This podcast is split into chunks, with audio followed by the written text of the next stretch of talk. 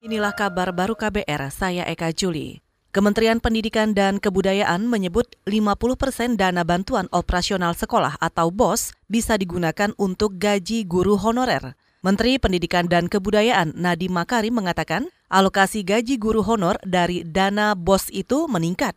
Sebelumnya hanya 15 persen untuk sekolah dan 30 persen untuk sekolah swasta dari total dana BOS yang diterima setiap sekolah. Jadi satu-satunya limit ini adalah maksimal dari persentase dana BOS yang boleh digunakan untuk guru honorer dan tenaga pendidik itu yang ditingkatkan. Itu adalah kewenangannya kepala sekolah. Ini adalah esensi dari Merdeka Belajar. Ini juga esensi dari jawaban pertama Kementerian Pendidikan dan Kebudayaan terhadap banyaknya masukan baik dari guru non-PNS maupun guru PNS yang telah berbicara dengan saya dan bilang banyaknya guru-guru honorer yang mengabdi luar biasa dan yang sebenarnya tidak mendapat upah yang layak. Menteri Pendidikan dan Kebudayaan Nadiem Makarim menyebut pemerintah ingin meningkatkan kesejahteraan guru honorer yang dipekerjakan di sekolah. Selain itu, kewenangan pembagian dana BOS ada di tangan kepala sekolah, sehingga setiap sekolah dapat menyesuaikannya dengan kebutuhan. Mempercepat penyaluran dana ini akan ditransfer langsung ke sekolah. Sebelumnya, penyaluran dana BOS harus melalui rekening kas umum daerah provinsi. Detasemen khusus atau Densus 88 menembak mati seorang terduga teroris berinisial WF di Pelalawan Riau pekan lalu.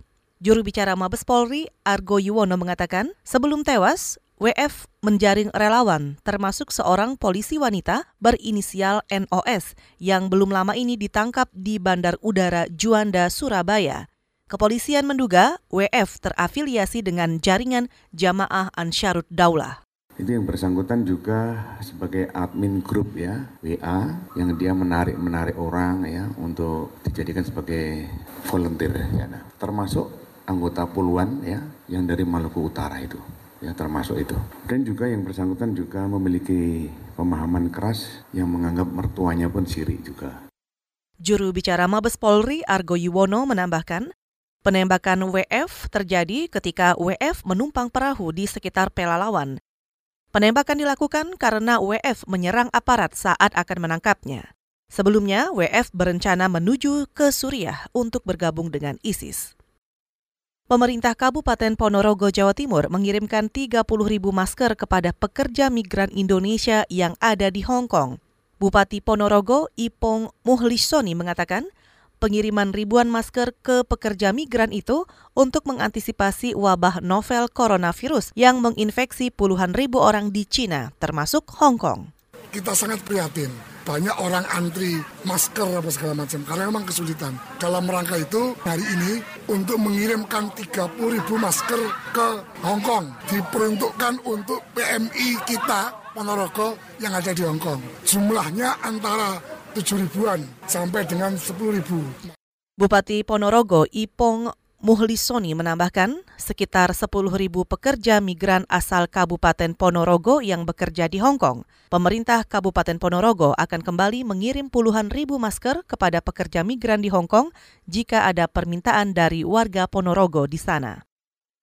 Tim bulu tangkis putra Indonesia akan satu grup dengan Korea Selatan di kejuaraan beregu Asia 2020.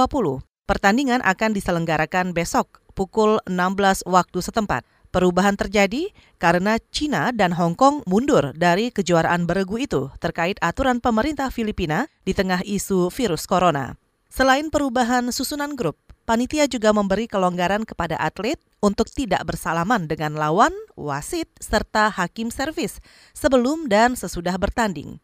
Kebijakan itu untuk mengantisipasi penyebaran virus corona yang tengah merebak di Cina dan menggagalkan atlet bulu tangkisnya bertanding di kejuaraan beregu Asia 2020. Demikian kabar baru, saya Eka Juli.